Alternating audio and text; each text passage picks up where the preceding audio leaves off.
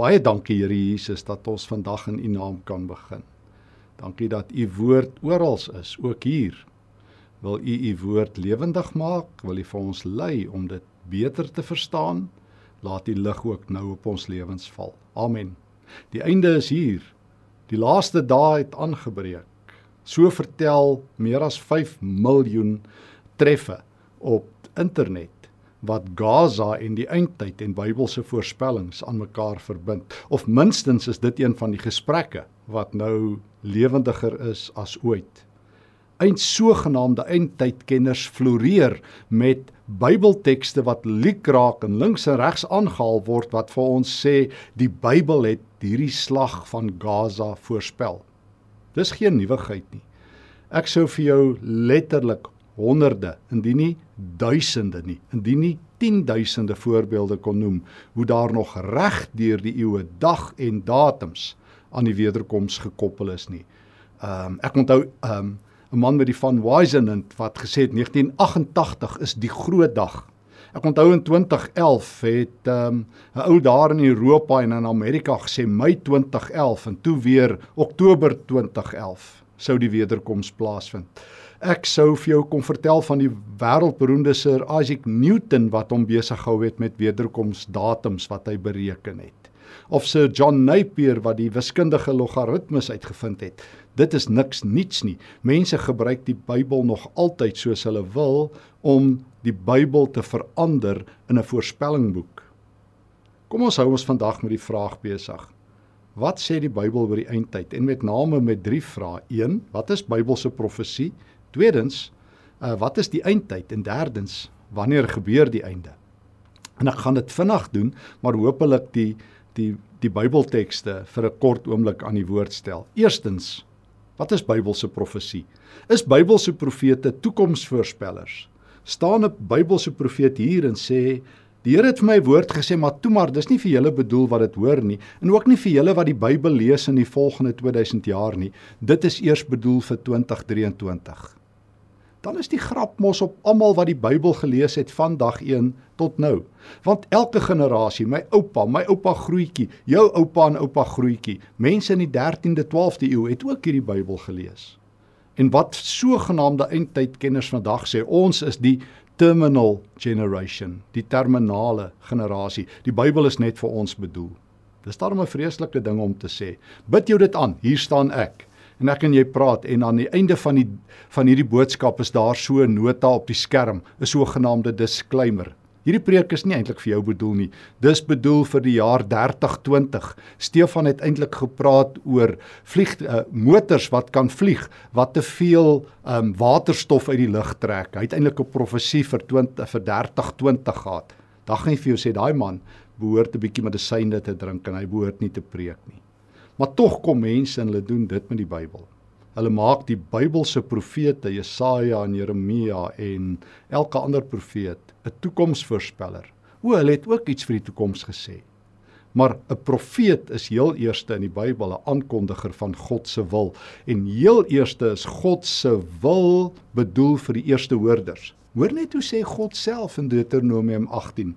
Ek lees vers 20. 'n profeet wat hom dit aanmatig om in my naam iets te sê uh, uh, uh of om iets te sê wat ek hom nie beveel het nie, moet sterf. Dit geld ook vir 'n profeet wat in die naam van ander gode uh, praat. Wanneer jy jou afvra, hoe sal ek die woorde kan uitken wat die Here nie met die profete gepraat het nie, moet jy weet. As 'n profeet iets in die naam van die Here aankondig en dit kom nie uit nie en dit gebeur nie net so nie, dan het die profeet, dan het die Here nie met die profeet gepraat nie. Dan het die profeet hom dit aangematig en jy hoef jou nie aan hom te steur nie. Nou ek wens ek het 'n uur gehad om jou deur elke wederkomsberekening deur al die eeue te vat. Jy kan dit bietjie op Wikipedia gaan soek. Daar's 'n interessante uh, afdeling oor al die mislukte wederkomsdatums. Dit is bladsye lank. Vanaf die 1ste eeu tot nou onlangs met COVID, tot nou weer met Gaza, spring eindtydkenners links en regsop. Ek onthou 1998 was ons almal in rep en roer toe 'n man met die van Wisenant vertel het die wegraping kom in 1998. Toe in 2011 het Harold Camping gekom en gesê Mei 2011 is die wegraping en wederkoms en toe weer Oktober 2011. In 2012 was daar sulke beleining van die planete tot NASA moes 'n verklaring uitreik dat hulle nie dink dis 'n teken van nou die einde van alles nie. En toe kom COVID en toe's elke ou in 'n bakkie en elke ou in 'n kar weer besig om te profeteer en sê daai merk, dis nou die einde. En toe COVID verby is, toe sit is uh, die Oekraïne en Rusland en dis kaars nou agter die rug, nou sit weer Gaza. So so die Bybel sê vir ons, profesie is nie toekomsvoorspelling nie. Dis 'n vals aanname. So net die aanname is verkeerd. Profete praat oor God se wil vir hier en nou en die implikasies wat dit vir elke geslag het. Ja ja, so die Bybel is ook vir ons bedoel. Maar uh, die Bybel het nie bedoel hy praat net met 2023 nie. Ons lees die Bybel oor die skouers van elke geslag voor ons. En as ons dit nie so lees nie en ons verander die Bybel in 'n toekomsvoorspellingsboek, kan enigiemand enigiets met die Bybel doen. So moenie God se woord misbruik nie. God sê die eerste vervulling van profeseë was reeds toe die eerste keer daai profesie gehoor is. God sê dit. Ons het dit gelees in Deuteronomium 18. Ons volgende vraag. So, wat is die term eindtyd? Ek onthou my kinderdae het my oupa altyd vir my gesê, "My kind, die laaste dae is hier." En dan vra ek oupa, "Wat sit dan?" Sê nee, daar in Sodom, julle bly daar tussen Sodom en Gomorra. My oupa het in Heidelberg gebly en het hy gesê Pretoria en Johannesburg. Want ons het in Kempton gebly, so tussen Sodom en Gomorra en die einde is op ons. En almal sê dit maar nog altyd. En ek hoor ook hoe mense nou spekuleer. So kan ek 'n goeie vraag vra. Wat sê die Bybel? Wanneer begin die eindtyd? Daar is geen onduidelikheid oor hierdie vraag in die Bybel nie. Hebreërs 1 vers 1 sê onomwonde, wat is die eindtyd? Kom ek lees dit saam met jou. Hebreërs is so 'n mooi teks en dit begin met die Griekse woord. Nou terwyl ek so intoe blaai, die Griekse woord vir einde is eschaton en die laaste dae in die Griekse woord vir 'n dag is hemera. Nou gebruik Hebreërs 1 vers 1 hierdie woorde in die laaste dae entais esgetais hemerais.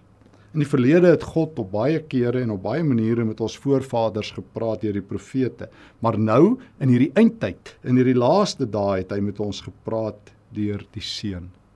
So Hebreërs 1 vers 1 en 2 sê die eindtyd begin met Jesus.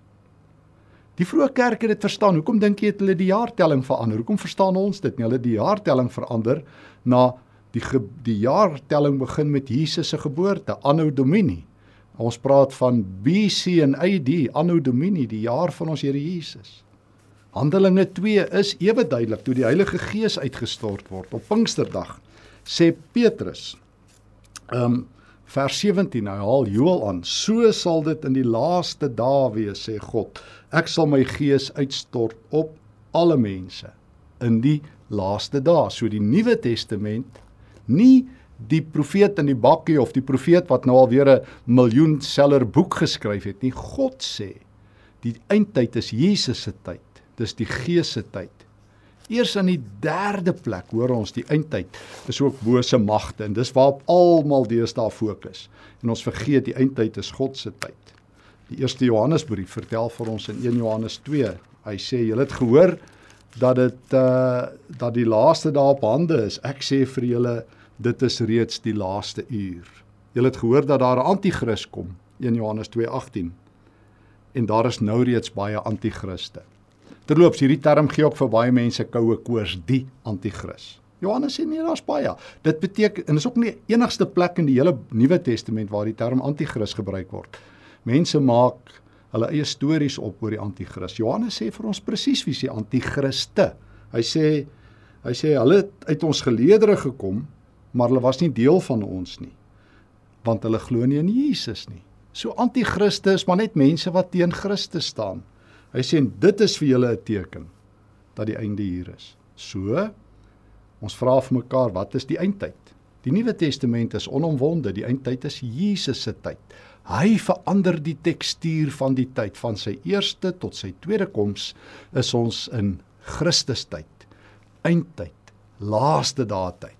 Dis nou die tyd dat die Heilige Gees uitgestort is tyd. Nou is die kerk vol krag maar derdens is dit ook die tyd van bose magte en slegte dinge.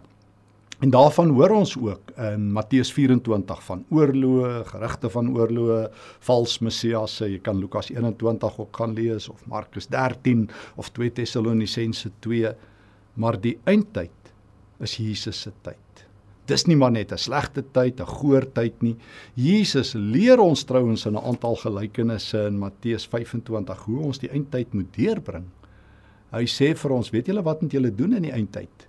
daar aan die einde van Matteus 24 sê hy soos 'n goeie slaaf moet jy nie ander slawe verdruk nie en vir hulle kos gee. Dis hoe ek die eindtyd deurbring. Hy sê in Matteus 25 soos 'n goeie jong meisie moet ek olie in my lamp hê as die bruidegom opdaag. Ek moet my oë op die Here hou. Hy sê vir my soos 'n goeie slaaf wat woeker met sy eienaar se talente moet ek dit wat God aan my toevertrou het gebruik hoe donkerder dit word in die wêreld, hoe helderder moet my lig skyn. En dan sê Jesus op die dag van die Here as hy opdaag, gaan hy vir my vra of ek een van die skape of een van die bokke was. Dis die skape wat toe Jesus kaal was vir hom klere gegee het, honger was kos gegee het, vreemdeling was vir hom ontvang het, in die tronk was hom besoek het. So hoe bring ek die eindtyd deur? Nie deur my ore uit te leen aan elke ou wat nou sê, nou is dit hier nie. Die einde is altyd op pad. Jesus gebruik nie 'n dag en 'n datum nie, hy gebruik slegte gebeure. Hy sê daar sal altyd oorlog wees. Dit sal vir julle sê die einde is naby. So ons eerste vraag, wat is Bybelse profesie? Dis die bekendmaking van God se wil en dit geld nog deur al die geslagte. Bybelse profete voorspel nie vandag nie. Hulle maak God se wil bekend. Toekomsvoorspelling word deur God verbied in Deuteronomium 18. Dit is heidense praktyke om die toekoms te probeer voorspel. Ons moet God met die toekoms vertrou. En ons weet egter God het 'n plan en hy's besig om sy plan deur te voer en dit is genoeg om te weet. Ons hou ons met God besig. Nou kom ons by die derde vraag. So, wanneer kom die einde? Kom ek vra 'n beter vraag. Het jy en ek 'n invloed op die einde? Nou, ek het groot geword met hierdie idee in my kop dat die wederkoms so 'n dag en 'n datum is wat God bepaal het. Met ander woorde, daar was so 'n groot almanak in die hemel met al die jare tot in die toekoms in. En ek het maar gedink God het eendag so gesit in die hemel en toe sit hulle vir hom 'n reuse almanak neer en toe druk hy maar net so met sy vinger op 'n datum en toe maak hulle X. X marks the spot. En nou sit ons almal net en wag vir die wederkoms om aan te breek. Die hemel wag, ons wag, die engele wag, almal wag, party wag hulle dood. So lees ek in 2 Petrus 3. Die dag breek nie aan nie. Nou hoe lank moet ons nog wag? Ander dis die vraag in 1 Tessalonisense 4 ook. Party Christene is al dood, hulle het hulle dood gewag. 2 Petrus 3 party spot al wanneer kom dit? Die wederkoms. So is die wederkoms 'n dag wat in konkreet gegiet is in die hemel? Hier's 'n verrassende ding. 1 die Nuwe Testament leer ek sou vir jou kon gelees het in 1 Tessalonisense 4 of in uh uh Openbaring 16 dat die dag van die Here onverwags kom soos 'n dief in die nag. Partykeer sê Jesus hy kom soos 'n dief in die nag of daardie dag kom. So dis altyd onverwags. Maar hier's nog 'n hemelse nuusflits. Die wederkoms datum is oop. Jy en ek kan dit beïnvloed. Stop. Jy moet mooi hoor. Die wederkoms se datum is oop. Jy en ek kan 'n invloed uitoefen op hierdie dag. Kom ek gaan verduidelik wat ek bedoel. Jesus vertel en ek wil vir jou 'n paar voorbeelde uithaal. Gaan nie almal in detail behandel nie, maar in Lukas 14 vertel hy die die gelykenis van 'n maaltyd. Ons almal ken dit. Ag, die maaltyd, 'n man uh, Lukas 14 vers 16. Daar was 'n man wat 'n groot maaltyd gegee het en baie mense uitgenooi het. Toe hy gesien het dat die maaltyd gereed is, stuur hy sy slaaf om die genooides te gaan haal en toe het hulle almal 'n verskoning. Die een nou onthou jy het 'n stuk grond gekoop, die ander ou het uh vyf paar osse gekoop en die ander ou is pas getroud. Hierdie is 'n wederkomsgelykenis. Die ete is gereed, die wederkoms is die ete. Die gasheer sê dit moet nou aanbreek en almal het 'n verskoning. Wat doen die eienaar of die feesheer? Hy ehm um, hy sê toe uh vir die eienaar: "Gaan uit na die strate en die gangetjies en bring die armes en die krepeles en die blindes en die verlamdes." Met ander woorde, kom ons stel die ete uit. Nog haal hulle 'n klomp mense. Kom hy terug en hy sê meneer, ek het dit nou gedoen en daar's nog plek. Toe sê hy gaan uit na die paaie en die lanings en dring by hulle aan om in te kom sodat my huis kan vol word. Wat vertel hierdie gelykenis? Die ete van die Here word uitgestel totdat daar genoeg mense is. Lukas 18 vertel Jesus 'n soortgelyke gelykenis. Hy vertel in vers um, 1 tot 9 van 'n weduwee en 'n regter. Die weduwee kom staan elke dag voor die regter se deur en pleit dat hy haar moet help. Hy weier. Maar dan op 'n dag dan sê die regter hy gaan haar nou maar help want hy's bang die weduwee klap hom en mense wil nie graag deur 'n weduwee geklap word nie. Hy nou sê ek hoor net uh Lukas 18 vers 4. Aangesien die weduwee so aanhou my lastig te val, sal ek haar help in haar regsaak. Anderster kom klap sy my op die ouend nog. Nou pas Jesus dit toe. Toe sê die Here: "Hoor wat die on, wat sê die onregverdige regter? Sal God dan nie aan sy uitverkorenes wat dag en nag tot hom roep reg doen nie? Sal hy hulle lank laat wag? Ek sê vir julle, hy sal hulle help en gou ook. Maar sal die seun van die mens by sy koms nog geloof op aarde vind? Jesus pas dit op die wederkoms. Hy sê as 'n onregverdige regter luister na 'n ou vroutkie, hoeveel te meer sal God nie luister as sy kerk roep en vra hy moet gou kom nie? Hiervan gepraat. Waarmee sluit Openbaring af? Ons almal lees dit, maar ons ons verbind nie die kolletjies met die wederkoms nie. Pas nadat hierdie reuse Openbaring geskryf is en pas nadat ons gehoor het van die Here wat kom. Kom sê die Here Jesus in in Openbaring 22 vers 7. Jesus sê toe: "Kyk, ek kom gou." Jesus kom kondig aan, sy wederkoms is nie ver nie. Hoe maak die kerk wat dit toe nou gehoor het? Vers 17 van Openbaring 20. Die Gees en die bruid sê kom. En elkeen wat dit hoor, moet sê kom en elkeen wat dors het, moet kom en elkeen wat van die water wil hê, moet uh, eintlik gou kom haal. Nou antwoord Jesus aan die slotwoorde van Openbaring 22 eh, vers 20. Ja, ek kom gou. So wat sê Jesus, nooi my uit en ek sal gouer kom. Jy het al die Arameese woorde Maranatha gehoor. Dit is eintlik twee woorde, Maranatha. Dis die uitnodiging. Die vroeë kerk het dit gebruik. Hulle hulle het by die nagmaal gesê, as hulle nagmaal eet, Maranatha, dit kan beteken die Here kom of dis 'n uitnodiging. Kom, Here. Presies dit het lei tot Openbaring gehaal. Die kerk, Jesus sê nooi my en ek sal gou kom. En die kerk sê die bruid roep dit uit, kom Here Jesus. Nee, ons kruip nie weg nie. Nee, ons sit nie by 'n geestelike lughawe en wag vir 'n volgende vlug hemel toe nie. Nee, ons is nie besig om pad te gee die wêreld nie. Jesus het in Johannes 17 gebid, Vader, moet hulle nie die wêreld uitvat nie, bewaar hulle van die bose. Maar ons vra ook vir die Here om te kom, want hy luister wanneer ons vra. Wat die heel mooiste teks in die Nuwe Testament oor die wederkomsdatum is 2 Petrus 3, daai misgeleesde teks oor die wederkoms. Petrus skryf hierdie hoofstuk 2 Petrus 3 wanneer Christene begin spot. Ag, nie Christene. Hulle sê in die laaste dae en dis tog mos nou, sal daar mense op die toneel wees 2 Petrus 3 vers 3.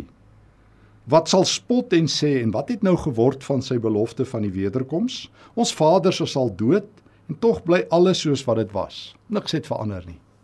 Dan sê Petrus, "Julle moet bietjie na Noag gaan kyk. Almal het hom ook gespot en toe kom die water en toe is die spotters weg." En nou pas hy dit toe op die wederkoms.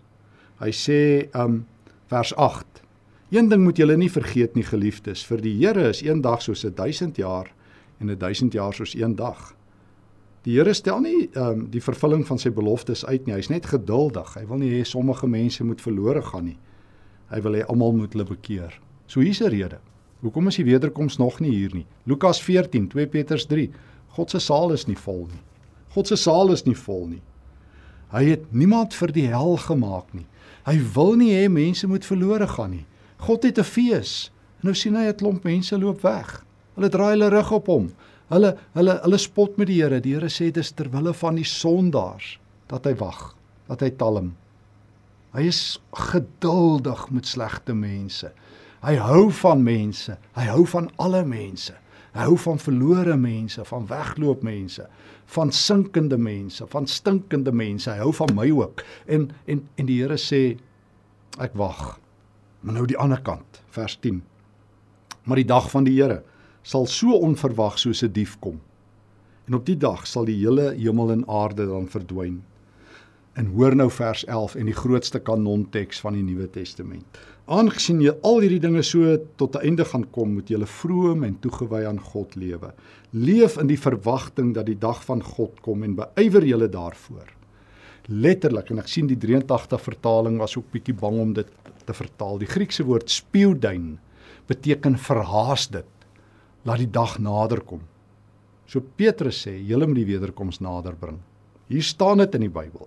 Dit staan hier, almal ignoreer dit. So ek het nou twee gedagtes hier in 2 Petrus 3. Aan die een kant wag God omdat daar te veel ongelowiges is. Aan die ander kant sê God vir sy kerk, bring die wederkoms nader. Ek en jy is so het ons arms om die tyd. Ons moet die pilare van die tyd nader trek na mekaar toe. Ons het 'n rol te speel. En ons het tog vandag om vir nie gelowiges te bid en die wederkoms nader te bring. En ons het nog vandag om vir Jesus te sê Maranatha, kom. Wat sê ons vir mekaar terwyl hierdie stryd in Gaza aan die gang is? Kom ons bedaar 'n bietjie. Kom ons kalmeer 'n bietjie. Profesie is nie net vir ons bedoel nie. Ja, ook in ons dag sien ons die einde is naby, maar dit was ook naby van die begin af.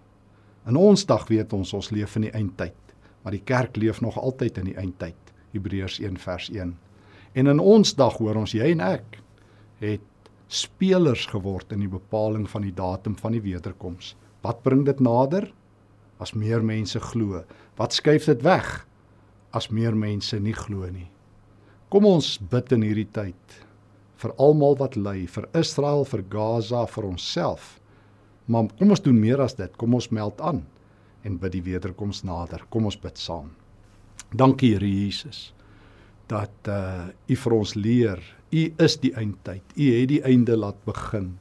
Leer ons Here om ook in hierdie dae nie bang te wees en drogbeelde op te teken en daarvoor te vlug nie. Leer ons om die dag van die Here te verhaas. Verander ons in kelners wat kaartjies uitdeel na die ete van die Here. Dan Here weet ons sal U kom. Hoor ons in Jesus se naam. Dit was 'n voorreg om saam met jou te reis. Mag jy die Here se vrede ontvang en mag hierdie woord diep in jou hart geberg word. Vrede.